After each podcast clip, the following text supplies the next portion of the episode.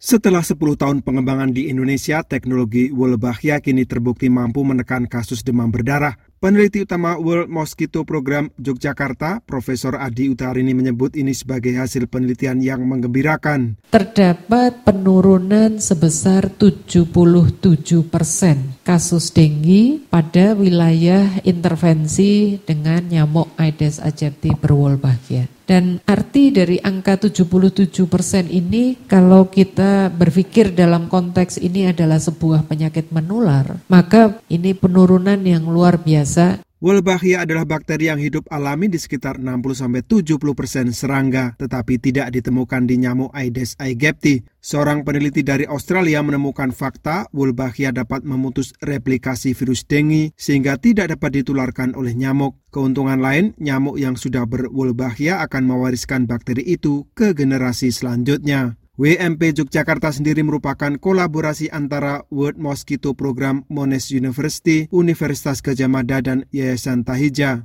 Sejak 2011, para ahli bekerja sama dalam proyek yang awalnya bernama Eliminate Dengue Project atau EDP. Setelah penelitian laboratorium, pelepasan dalam skala kecil mulai dilakukan pada 2014. WMP kemudian melanjutkan program penyebaran nyamuk berwolbachia pada 2017 melalui teknik randomized control trial. Wakil Wali Kota Yogyakarta Heru Purwadi memaparkan angka-angka yang menggambarkan bagaimana metode Wolbachia sangat bermanfaat bagi masyarakat. Jumlah kasus tahun 2016-an itu mungkin kasus demam berdarah yang ada di Yogyakarta itu lebih dari 1.700. Juga pada tahun-tahun berikutnya yang cukup drastis hanya berkisar ratusan bahkan sempat hanya 100 sekian sampai bulan Agustus ini kasus demam berdarah yang ditangani oleh teman-teman di dinas kesehatan, puskesmas dan segala macam ada 264. Tri Hadi Sabto Adi, Ketua Yayasan Tahija menyampaikan terima kasih kepada seluruh pihak yang membantu terlaksananya penelitian ini. Kesediaan pemerintah kota Yogyakarta dan seluruh warganya juga sangat diapresiasi karena dibutuhkan rasa saling percaya.